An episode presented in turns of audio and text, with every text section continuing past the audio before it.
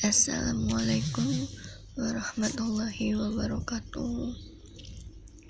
Hmm, selamat malam semuanya. Malam ini kita akan membahas tentang surat Salma untuk Nathan.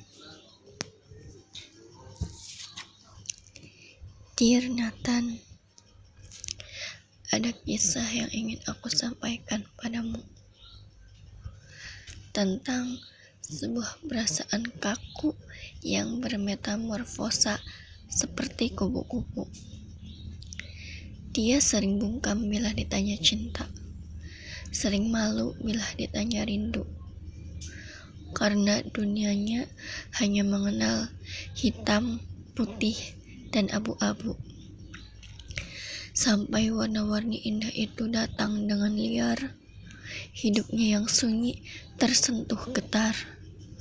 Namun, ia masih tetap kaku, bibirnya masih bisu. Ia masih tidak mengerti apa yang terjadi. Ia terlalu hijau untuk memahami.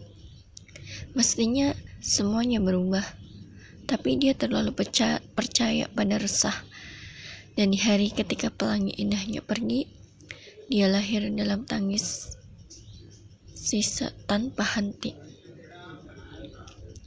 Dear Nathan, atas nama rinduku tulis sebuah pengakuan yang tak pernah mampu kuucapkan. Aku mencintaimu.